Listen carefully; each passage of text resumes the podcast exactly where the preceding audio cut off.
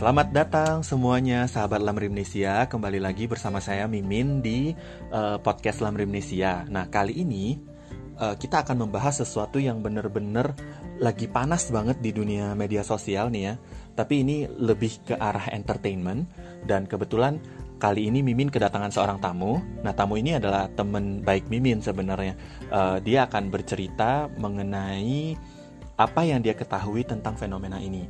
Nah, sebelum kita mulai, uh, Mimin mau perkenalin dulu nih siapa yang uh, jadi tamu podcast Lamri Indonesia kali ini. Nah, perkenalkan ini teman saya namanya siapa? Yang ada di sana?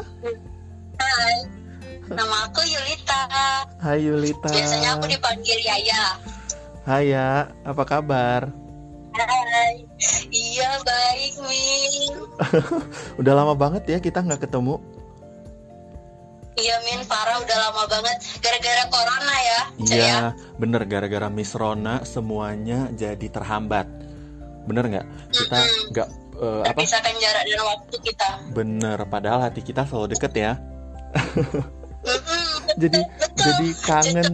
Jadi kangen banget gak sih? Kita kan dulu sering banget ya makan nasi padang sebungkus bertiga tuh sama teman iya. kita satu lagi. Betul, setiap minggu lagi. Iya, Terus nah sekarang benar-benar gak ketemu sama sekali. Mm-mm. Parah. Boro-boro sebungkus bertiga ya. Serumah bertiga aja kayaknya udah jarang. Iya betul. nah, uh, Yaya apa kabar? Ya? Yaya apa kabar? Baik. Sekarang, Mimin apa kabar Min? Baik. Sekarang Yaya ke apa kesibukannya apa sekarang? Kalau sekarang sih karena kita lagi di rumah aja gitu ya. Jadi uh, kita tuh tetap kuliah kayak biasa. Malah kadang jamnya melebihi gitu. Oh, oh tapi sebelumnya Terus, aku jadi lupa. Juga. Aku jadi lupa. Uh, Mimin apa teman-teman sahabat Lamri Indonesia mungkin belum tahu Yaya ini siapa. Nah, Yaya ini adalah seorang mahasiswa magister profesi psikolog di Universitas Kristen Maranatha.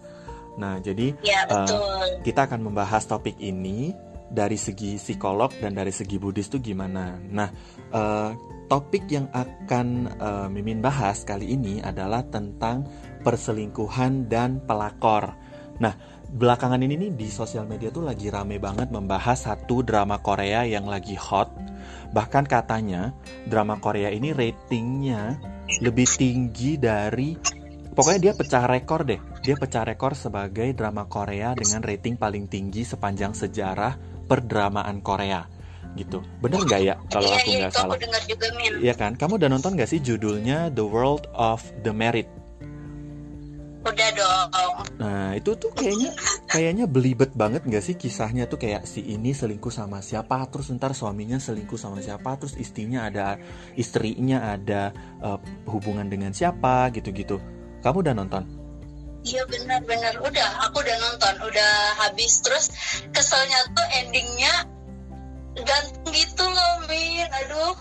Males banget gak sih kalau nonton? Kayak kita udah ngikutin tiap minggu terus tahu taunya endingnya ngecewain. Ngecewain sih enggak ya tapi justru iya, bikin bener, penasaran ya. bener tadinya aku tuh nggak mau nonton min karena kan uh, takutnya apa sih uh, terlalu berat gitu mm -hmm. topiknya. Dan kayaknya dari judulnya tuh kayak ngebosenin gitu ceritanya kan. Mm -hmm. tapi terus ya udah penasaran nonton episode 1 eh keterusan. Kebetulan dia baru baru ngabisin episodenya ming minggu kemarin kan ya? Hari minggu kan? Nah baru kemarin malam kemarin baru... malam banget abisnya. Hmm ya pas banget ya kita uh, apa kita malah ngebahas topiknya tuh hari ini gitu Iya nih, mumpung masih inget nih. Mumpung masih inget dan masih panas nih. Nah ini iya. si dramanya ini saking hebohnya, bahkan orang-orang Indonesia tuh yang nontonnya itu bahkan dia nggak bisa bedain mana yang realita mana yang hanya di sekedar drama gitu karena eh, banyak banget yang bilang kalau orang-orang Indonesia ini uh, mengirimkan pesan atau komen-komen yang jahat ke Instagram si si pemain drama Korea ini kasihan banget gak sih? Iya iya aku juga dengar sih tentang berita-berita kayak gitu sebenarnya agak lucu sih ya maksudnya kan ya sebagai orang dewasa harusnya kita tahu itu tuh uh, setting gitu. Mm-hmm. Jadi itu drama. film. tapi masih aja ada yang baper tapi biasa kok itu min tapi sampai parah banget loh sampai sampai kata kata-kata pelakor dan perselingkuhan itu di Korea jadi orang-orang tahu artinya apa? Oh iya. Iya jadi ya kan ampun kalau kalau kita lihat nih kemarin aku sempet eh, sempet kepoin si Instagram pemeran utamanya tuh si pelakor cantik itu.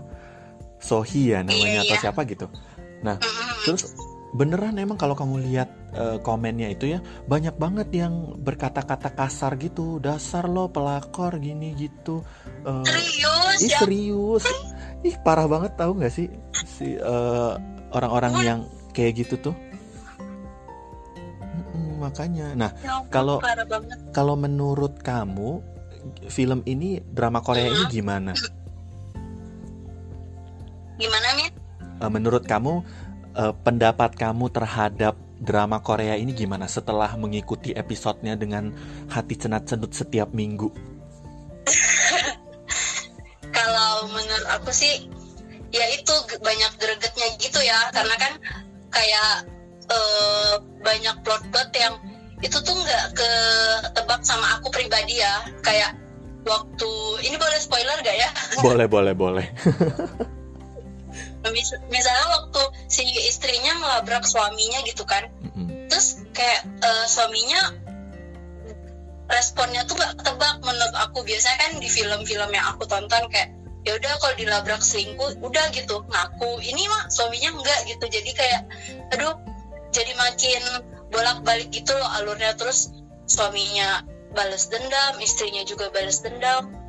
Hmm, terus lama-lama jadi makin rumit. Dan eh, kalau menurut aku pribadi sih film ini tuh banyak banget pelajarannya. Kalau dari aku ya mm-mm. ngelihat eh, gimana anaknya menghadapi konflik orang tua gimana suami istri saling dilema Mm-mm. kayak gitu-gitunya sih Min Mm-mm. Terus kalau menurut kamu sendiri si da- dalam eh, sepanjang episode drama Korea ini menurut kamu cukup menggambarkan dunia pernikahan gak sih? banget menurut aku sih banget ya. Maksudnya di era kita yang sekarang di mana kayak ibu bekerja suami bekerja selingkuh tuh udah marak banget terjadi gitu. Karena Kayak sesuatu suami yang punya lingkungan ter- sendiri istri punya lingkungan sendiri. Hmm, terus juga kadang eh, justru kesibukan kita masing-masing tuh gak disadari mempengaruhi hubungan di rumah tangga itu sendiri. Mm-mm. Gimana mempengaruhi hubungan rumah tangga? kayak misalnya kan kalau di cerita yang kita lihat eh, suaminya kan kayak biasa gitu pulang kerja balik lagi eh, pergi kerja dan lain sebagainya tapi kan kayak kita lihatnya oh ya udah mereka bahagia gitu padahal ternyata suaminya suaminya sendiri pun udah nggak merasakan lagi gitu ada keintiman di dalam keluarga itu sendiri makanya dia bisa eh, berpaling ke hal yang lain gitu. Mm-mm. Nah, kalau kalau gitu berarti eh, si laki-laki atau si bisa jadi bisa aja terjadi dua arah ya, misalnya baik laki-lakinya yang berselingkuh dengan perempuan lain atau sebaliknya perempuan itu yang berselingkuh kepada laki-laki lain gitu. Tapi Ya apa? bisa, kalau bisa. menurut menurut kamu nih ya sebagai seorang psikolog dan pandangan kamu sebagai seorang psikolog eh, apa sih yang melatar belakangi hal itu terjadi? Apakah ada hubungannya dengan dia mencari sesuatu yang tidak ada di hubungan itu? Atau dia justru memvalidasi dirinya? Nah, eh, jadi kalau yang aku pelajari ya Min selama aku kuliah, mungkin eh, kalau yang lain eh, punya sumber atau referensi yang lebih bagus atau lebih valid nanti mungkin boleh saling melengkapi gitu ya. Mm-mm. Tapi kalau yang aku pribadi pelajari, jadi eh, kadang-kadang kan kita tidak tidak bisa menduga gitu kapan perselingkuhan itu terjadi dan oleh siapa itu terjadi gitu ya. Mm-mm. Eh, perselingkuhan itu sendiri eh, sebenarnya di era sekarang itu dilihatnya sebagai suatu upaya manusia untuk eh, mencari keinginan mencari kebahagiaan karena kan uh, di era sekarang kita melihat uh, semua orang tuh berhak bahagia gitu mm-hmm. semua orang ingin bahagia semua orang berhak mendapatkan apa yang dia inginkan gitu ya mm-hmm. nah berbeda dengan uh, pandangan dulu biasa dulu tuh kalau misalnya percerai perceraian atas selingkuh tuh lebih banyak orang bertahan dalam rumah tangganya tapi kalau sekarang ketika ada perselingkuhan lebih banyak orang yang uh, memilih menyerah gitu mm-hmm. di pernikahannya. Mm-hmm. Nah, kenapa selingkuh itu sendiri bisa terjadi? Sebenarnya uh, kalau dari yang saya dapat, mm-hmm. jadi uh, ya kayak yang saya bilang tadi kita tuh sering nggak bisa melihat uh, keluarga bahagia kayak yang di film yang ini yang kita tonton ini uh, kelihatannya kan suaminya baik, istrinya juga baik, hubungan orang tuanya baik, mm-hmm. hubungan dengan anaknya juga baik. Nah, kadang-kadang dalam satu hubungan rumah tangga kita itu berusaha memenuhi ekspektasi dari pasangan kita tentang diri kita. Mm-hmm. Jadi misalnya uh, istri, istri uh, suami mengharapkan istri jadi orang yang baik, jadi uh, istri yang bisa masak, bisa ini, bisa itu jadi ibu untuk anak-anaknya yang baik, bisa mengajar dan lain sebagainya gitu ya. Mm-hmm. Nah, tapi kadang uh, justru tuntutan ini tuh membuat si istri kehilangan identitas, mm-hmm. istri kehilangan uh, gambaran nih tentang dirinya. Jadi dia suka bingung. Uh, apa sih aku tuh siapa sih sebenarnya? Aku tuh orangnya seperti apa sih? Makanya uh, kalau kita sering dengar di film itu juga dia sempat bilang gitu ya si suaminya yang selingkuh dia bilang ketika bersama selingkuhannya dia merasakan mendapat bisa mendapat lebih banyak inspirasi. Hmm, hmm. itu karena apa? Karena uh, dia ingin sesuatu yang baru. Kenapa? Karena sesuatu yang baru ini memberinya uh, ruang untuk jadi dirinya sendiri hmm. ketemu uh, sumber perhatian yang baru, mm-hmm. ketemu uh, pokoknya dia lebih bisa mengeksplorasi dirinya dengan sosok yang baru ini mm-hmm. dibandingkan dengan orang yang telah mengharapkan uh, dirinya dengan satu ekspektasi gitu. Mm-hmm. Jadi ibaratnya nah, terus, itu hubungannya yang iya, sebelum gimana? Hubungan dia yang sebelumnya itu kayak udah ngasih ikatan ke dia kalau oh kalau di hubungan kita yang sekarang lu sebagai bapak tuh harus begini begini begini begini dan belum tentu ya. poin-poin itu sesuai dengan personalitinya dia sebagai seorang laki-laki.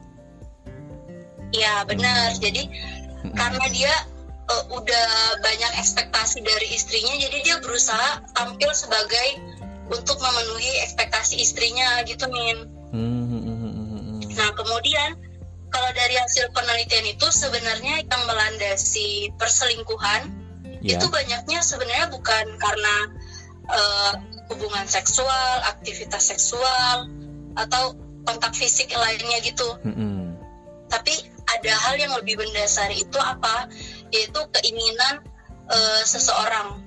Bisa okay. itu keinginan untuk diperhatikan, hmm. keinginan untuk uh, merasa penting. Hmm merasa dibutuhkan, iya. intinya merasa istimewa, merasa dicintai dan lain sebagainya. Intinya dia ingin merasakan kebahagiaan dirinya yang sempurna gitu ya. Ya, jadi, jadi dia akan terus dia mencari orang yang sos, bisa memenuhi kehilangan itu. rasa itu di rumah tangganya sehingga dia butuh sesuatu untuk mengembalikan dirinya gitu, Min. Hmm, Angkep gak? Iya paham paham. Ya bener juga sih ya. Jadinya mereka uh, karena merasa di, di hubungan yang sebelumnya itu kebahagiaannya tidak sempurna. Jadi karena manusia ini dipenuhi dengan banyak kekotoran batin gitu, jadi dia akan senantiasa mencari sesuatu untuk memuaskan dirinya gitu. Iya, benar, yang sebenarnya kalau dipikir-pikir itu kan jadi rantai yang nggak putus-putus kan gitu. Maksudnya uh, ketika kita berhubungan pada orang A, dan orang A ini tidak memenuhi ekspektasi aku yang B, maka aku akan mencari orang yang C. Dan ketika orang ya. C ini tidak dapat memenuhi ekspektasiku yang lain, maka aku akan berpindah lagi gitu ya. kecenderungannya begitu ya kalau dibilang perselingkuhan iya gitu. benar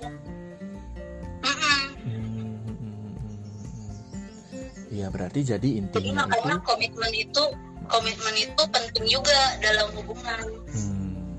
Oke, mungkin bagi bagi teman-teman sahabat Lamrimnesia yang mungkin sedang kasmaran nih ya, eh, atau sedang jatuh cinta, atau mungkin ada yang sudah men- merencanakan perjalanan untuk naik ke pelaminan, ya atau mungkin yang kalau misalnya nggak ada virus corona ini, mungkin dia akan melangsungkan pernikahan. Nah, sebagai seorang psikolog, mungkin Yaya bisa menjelaskan sedikit tentang eh, konsep komitmen kali ke mereka.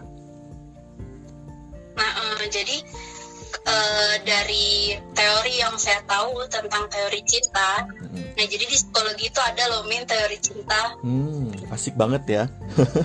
Jadi bagi teman-teman yang bagi teman-teman yang kesulitan menghadapi rasa putus cinta mungkin bisa ngambil satu SKS tentang teori cinta di jurusan psikolog. Betul itu, boleh Eh. itu. ya terus gimana?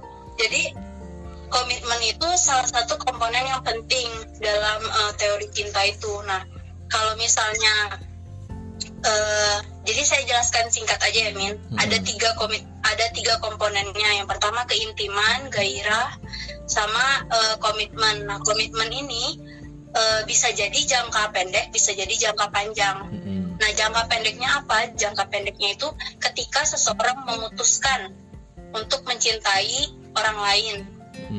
Hmm. Jangka panjangnya apa? Ketika orang lain setelah memutuskan untuk mencintai orang lain, Mm-mm. dia memutuskan untuk bertahan sama orang itu. Hmm, hmm, hmm, hmm, hmm.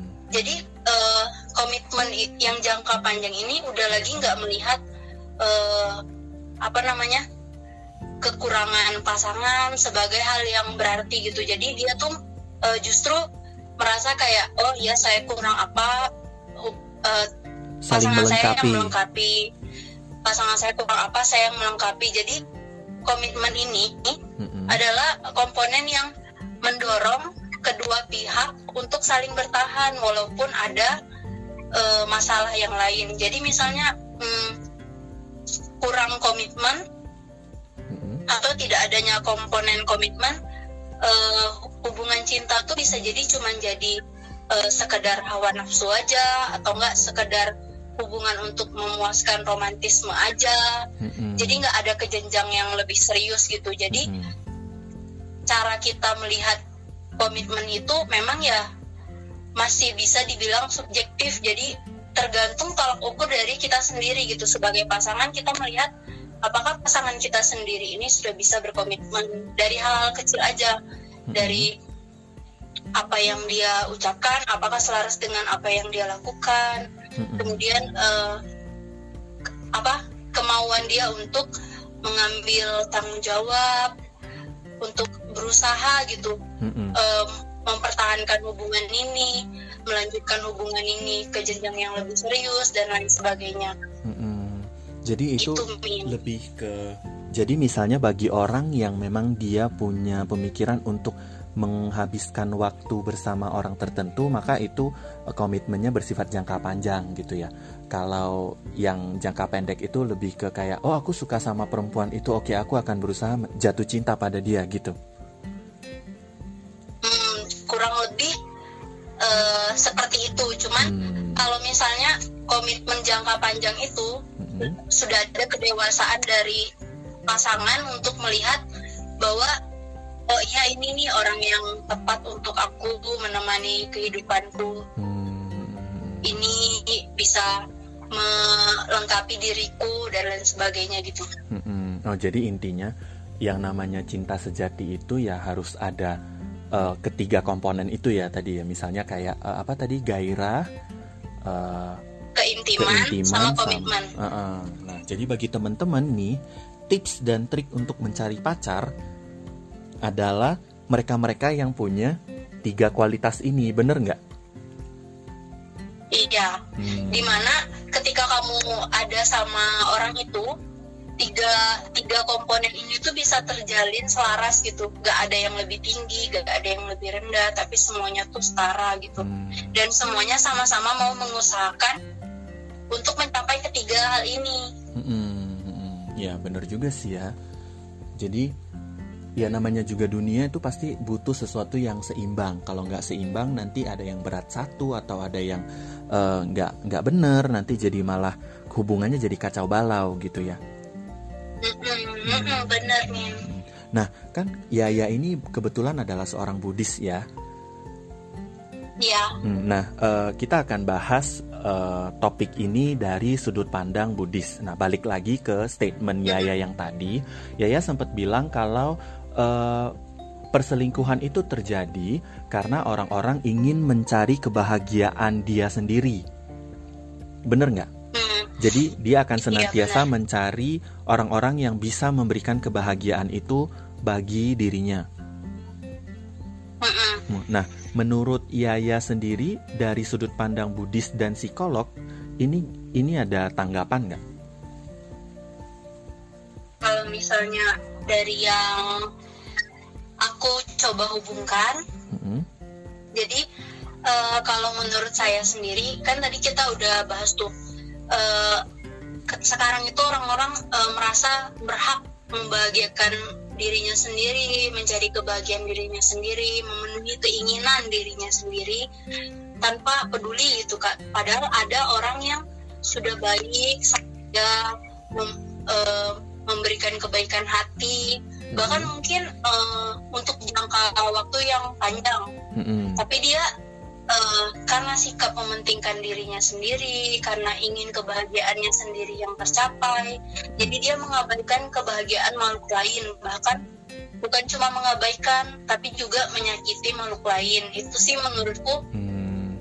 Jadi kaitannya di mana kita eh, di Buddhis kan kita belajar, kita harus eh, memikirkan makhluk lain, kita harus memberikan kebahagiaan sama makhluk lain mm-mm. dan bahkan kita ber- seberusaha mungkin eh, mengabaikan diri sendiri dan memberikan kebahagiaan untuk orang lain gitu. Mm-mm. Jadi benar-benar uh, konsep perselingkuhan ini sangat bertolak belakang ya dengan uh, konsep yang diajarkan Buddhis.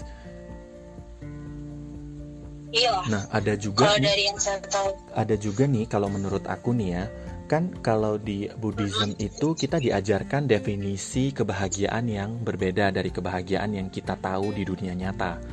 Nah, karena kalau misalnya kita bahas kebahagiaan yang bersifat sementara itu adalah kebahagiaan-kebahagiaan yang kita eh, dapatkan dari dunia ini. Misalnya eh, ketika kita melakukan suatu hal baik, kita dipuji. Nah, itu adalah suatu bentuk kebahagiaan yang sifatnya sederhana. Tapi kalau bagi Buddhis dalam dalam konteks Buddhism, eh, kebahagiaan yang sejati itu adalah sebenarnya kita eh, tidak terikat lagi dengan apa pun. Gitu. Jadi ketika kita dihadapkan pada bentuk fenomena apa pun, baik itu yang menyenangkan diri kita maupun yang menyakiti diri kita, itu kita batinnya tidak terpengaruhi. Nah, jadi jadi eh, kebahagiaannya lebih internal ya Min ya. Iya, bener. yang kita pelajari. Benar, jadi kita intinya itu harus memperbaiki internal, maksudnya balik lagi ke dalam diri sendiri ya, melihat batin, melihat pemikiran, eh, mem- memperbaiki pandangan kita, maka nanti ke depannya kita akan mendapatkan kebahagiaan yang sejati, yang which is kita tidak akan terlalu bergantung kepada kebahagiaan yang sifatnya sementara. Jadi misalnya kalau kita pegel, misalnya kita ini ini sederhana banget, misalnya kita berdiri nih ya, pegel, kita pengennya duduk.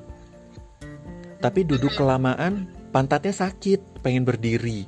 Nah, jadi kan sebenarnya konsepsi duduk itu bukan kebahagiaan kan. Bahkan sesuatu yang kita anggap sebagai kebahagiaan pun bisa mendatangkan penderitaan untuk kita gitu. Nah, apalagi si benar banget, Min, benar Mm-mm, banget. itu terhadap diri sendiri.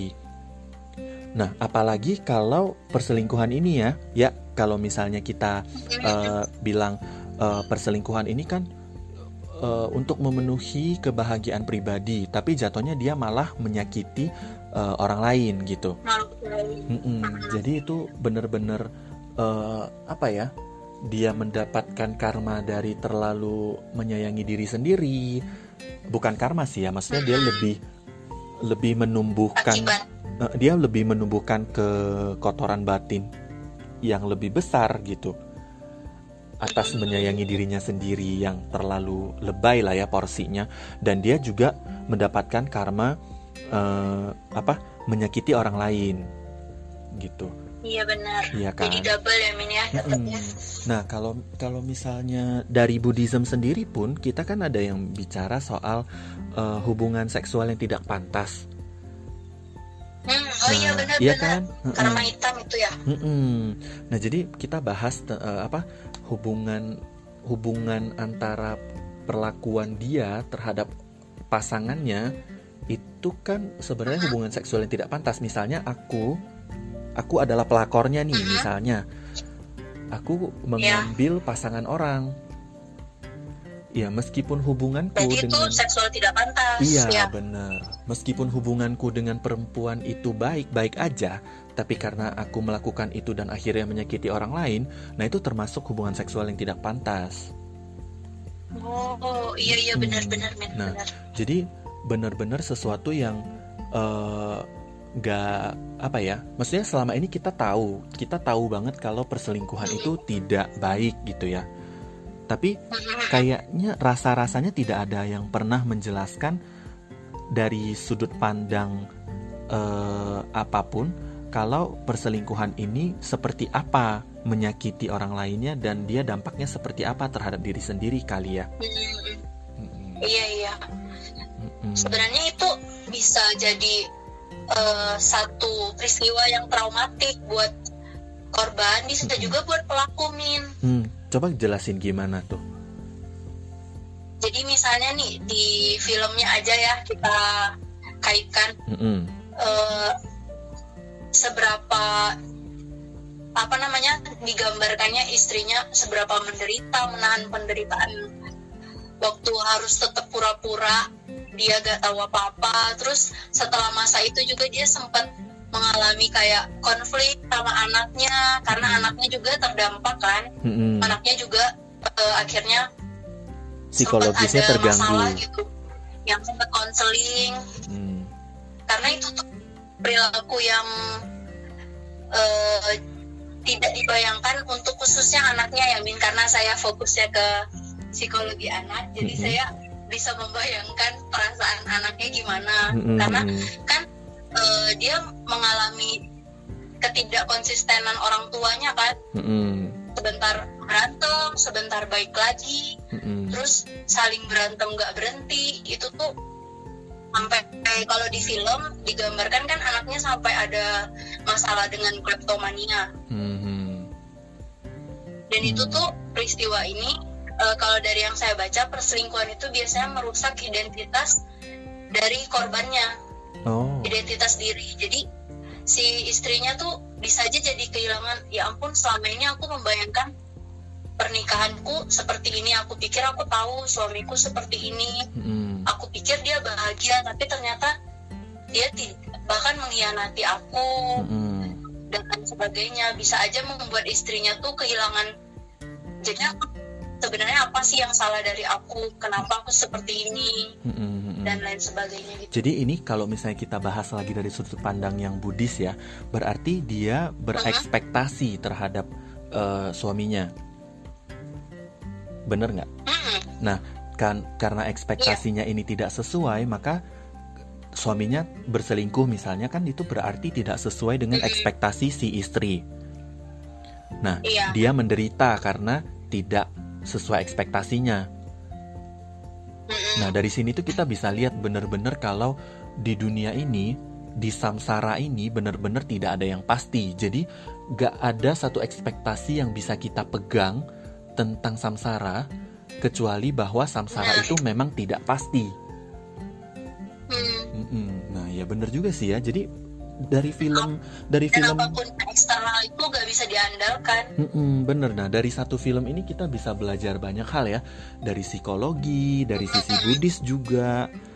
Nah, mm, mm, mm, mm, mm, mm. nah kalau kalau oke kita balik lagi ke eh, si sisi meng- apa merusak personality lah ya, lebih lebih ke merusak kepribadian korban gitu.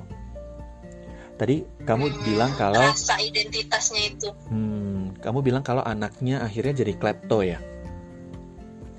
iya kalau di film digambarkannya seperti itu. Hmm, Iya jadinya, nah karena keserakahan satu orang jadinya dia men- menimbulkan dampak negatif bagi banyak orang justru ya.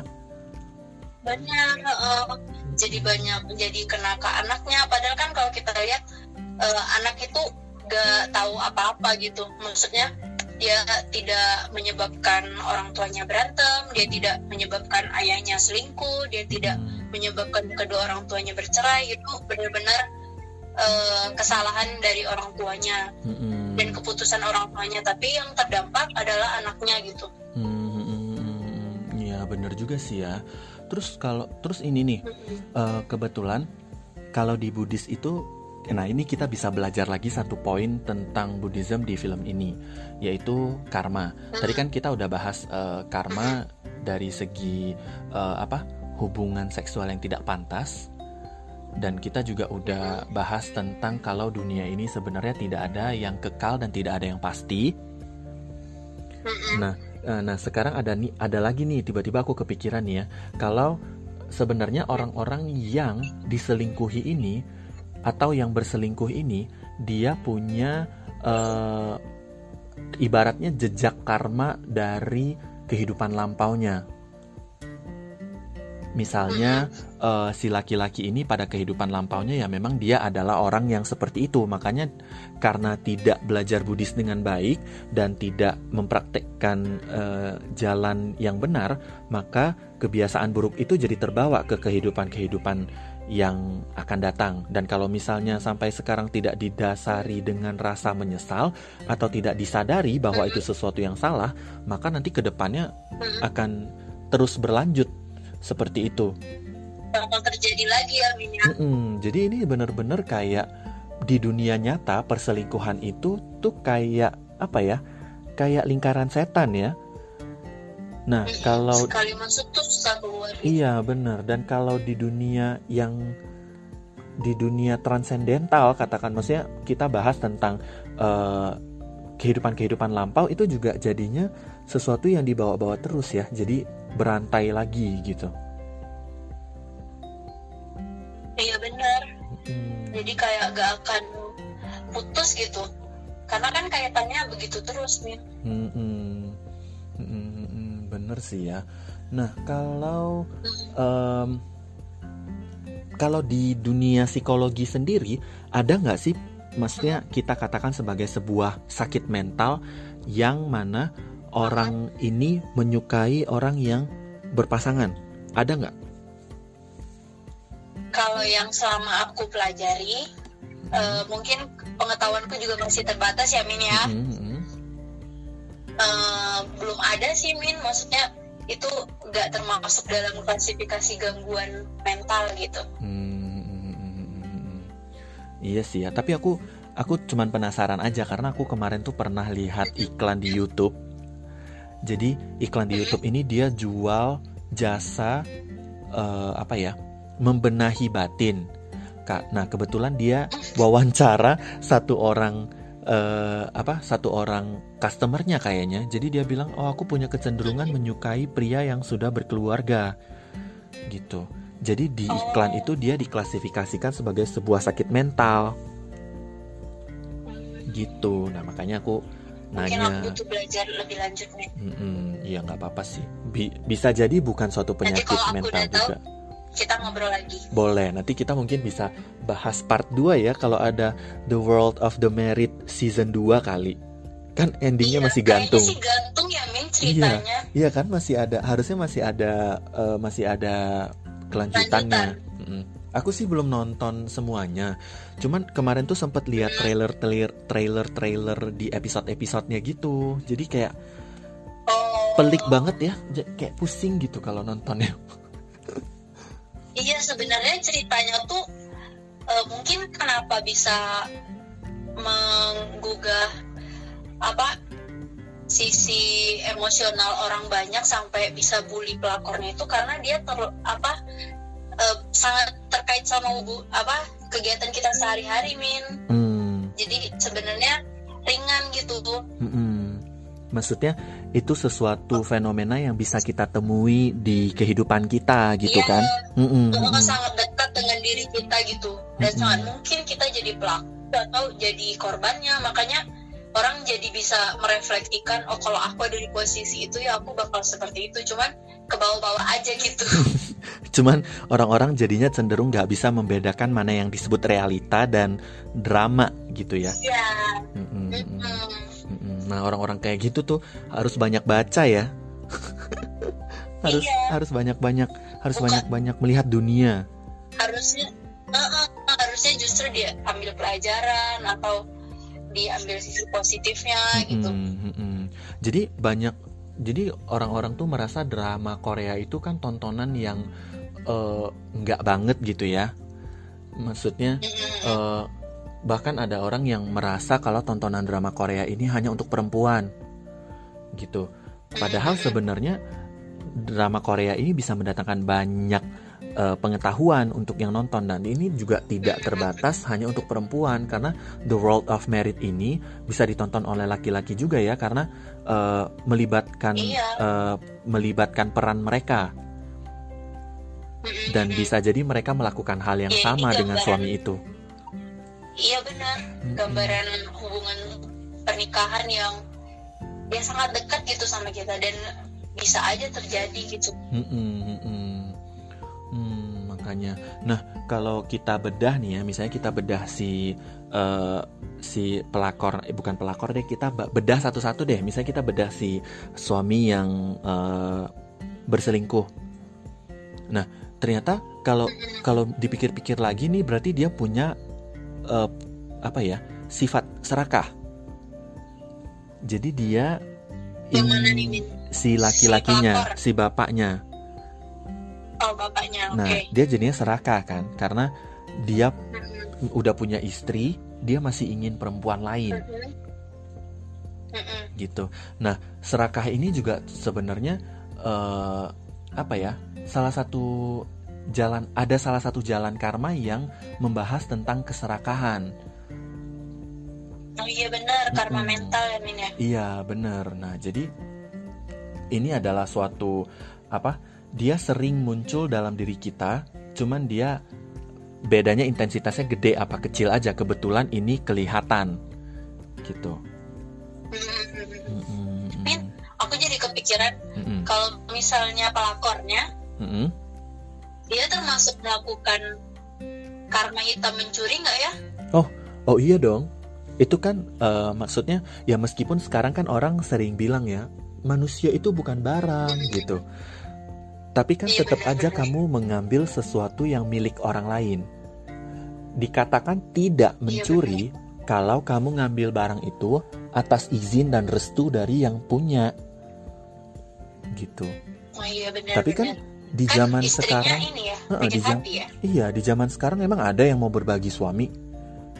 Iya benar-benar. Mungkin ada ya beberapa orang yang kita kemarin itu tuh sering lumayan heboh juga di Instagram aku lihat ada orang yang dia menikah dengan perempuan lain pada saat pernikahan itu suaminya diantarkan oleh istrinya.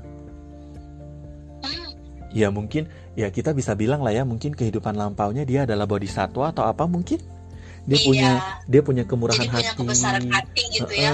Punya sifat welas asih yang begitu besar gitu. Atau jangan-jangan dia malah menyimpan dendam yang kita nggak tahu. Hmm. Nah, oke.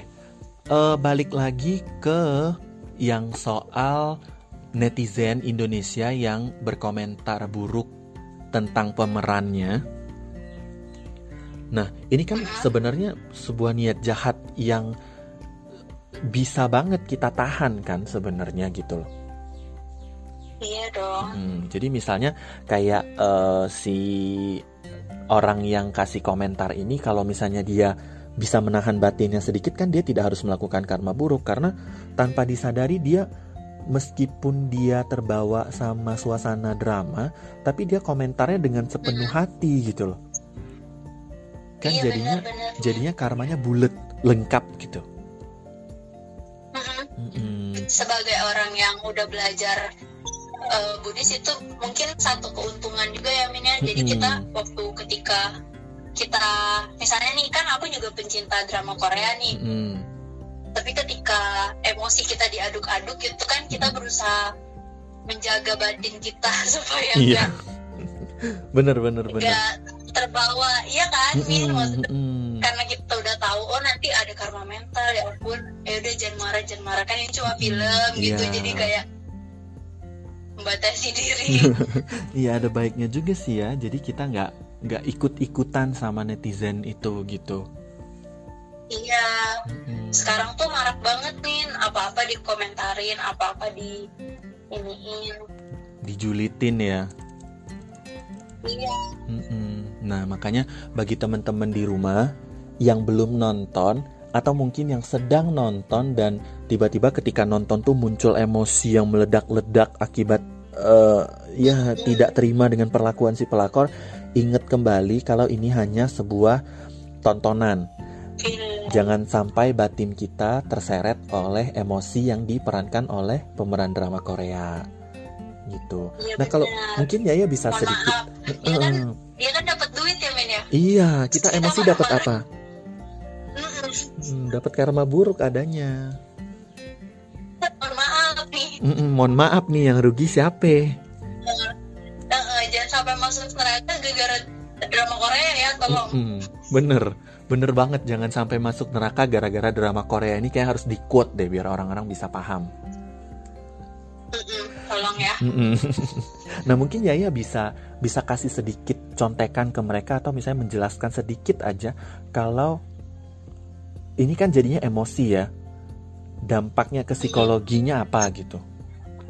kalau yang aku pelajari eh, kita tuh memang gampang sekali tergugah emosi kalau misalnya satu perilaku atau satu peristiwa atau satu pokoknya sesuatu faktor eksternal tuh eh, mungkin pernah jadi pengalaman kita atau mungkin pernah jadi eh, teman kita. Mm-mm, pokoknya kita pernah berhadapan sama peristiwa itu gitu. Mm-mm, Nah tapi eh, ketika ini aku jelasinnya dari sisi ini aku yang aku tahu ya Min ya. mm-mm. Jadi setahu aku eh, kenapa kita tuh tidak baik memelihara emosi negatif? Karena eh, ketika misalnya nih kita nonton, kita nonton ya, Mm-mm. terus kita emosi banget sampai nangis, nangis bombay gitu. Ya syukur kalau misalnya setelah nonton kita bisa memperbaiki lagi mood kita, atau Mm. memperbaiki lagi eh, diri kita, emosi kita ditata lagi untuk melanjutkan aktivitas. Nah, tapi Hmm. kalau misalnya kita terpaku sama emosi yang eh, kita bangun tadi pas nonton, Mm-mm. Kita bawa, kita pikirin terus ikas ya lihat dia apa sih dia selingkuh, aduh, sih dari istri dia baik, dokter dan lain sebagainya, anaknya kasihan. Nah, eh, keterpakuan kita, pikiran dan perasaan kita sama emosi negatif itu tuh eh, secara biologis dia memproduksi hormon. Eh, aku lupa sih namanya Min. Pokoknya ada satu hormon yang dia tuh eh, jadi memberi tanda sama tubuh kita kalau kita lagi stres gitu. Hmm, mm-mm, mm-mm. Misalnya jadi jerawatan gitu ya? Nah, jadi bisa bisa jadi jerawatan, jadi mudah capek, Mm-mm, mm-mm. dan, dan banyak hal negatif lainnya makanya orang-orang yang masih nggak percaya psikologis itu ber- berpengaruh banget loh sama fisiologis kamu jadi eh, ada yang bilang namanya yang stres kan pikirannya bukan tubuhnya eh Mm-mm. yang salah pokoknya di seluruh kehidupan kita itu psikologis dan fisiologis itu sangat berhubungan Mm. makanya di eh, Buddhis juga kan Min Mm-mm. eh, karma mental itu termasuk karma yang bisa jadi lengkap kan Mm-mm, bener bener. Jadi maksudnya kalau jadi- kalau apa? Pokoknya kalau misalnya ibaratnya nih kalau misalnya kita batinnya membaik, itu auranya terpancar keluarnya berbeda. Benar Mm-mm, bisa begitu. hidup kita tuh bisa eh, baik bisa positif cara kita melihat sesuatu cara kita menilai sesuatu itu bisa lebih positif lagi Mm-mm, mm-mm. Hmm, menarik banget ya ternyata hal-hal begini bisa dipelajari dari dua sisi yang benar-benar yang satu benar-benar dari psikolog banget yang bisa ditelaah ditelaah secara teori dan satu lagi dari Buddhis. Dan ternyata mereka berdua ini saling berhubungan erat ya antara Iya, uh, ilmu psikologi dengan teori-teori yang kita pelajari uh, uh, kita pelajari di Dharma gitu. Nah, jadi ini juga sebenarnya jadi bukti kalau uh, Buddhisme itu mengikuti perkembangan zaman, iya nggak sih?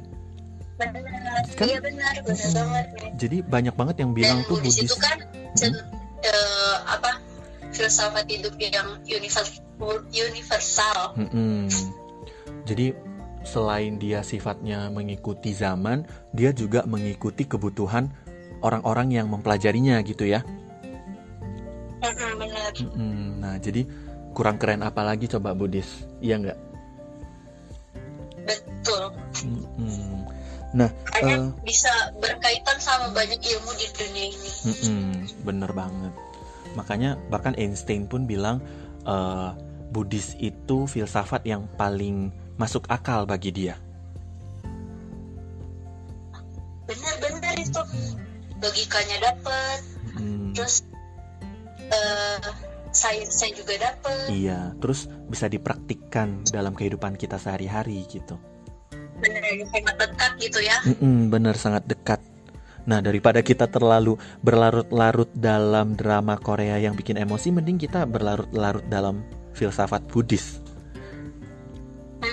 Betul Gitu. mending belajar Mm-mm. pas sambil nonton tuh harus membayangi karma karma apa yang dilakukan biar bisa merefleksikan ke diri sendiri Iya bener sih. Jadi eh, kita juga jadinya mempelajari eh, oh ternyata menyakiti orang lain itu bentuknya tidak cuma dari mukul fisik atau apa ya?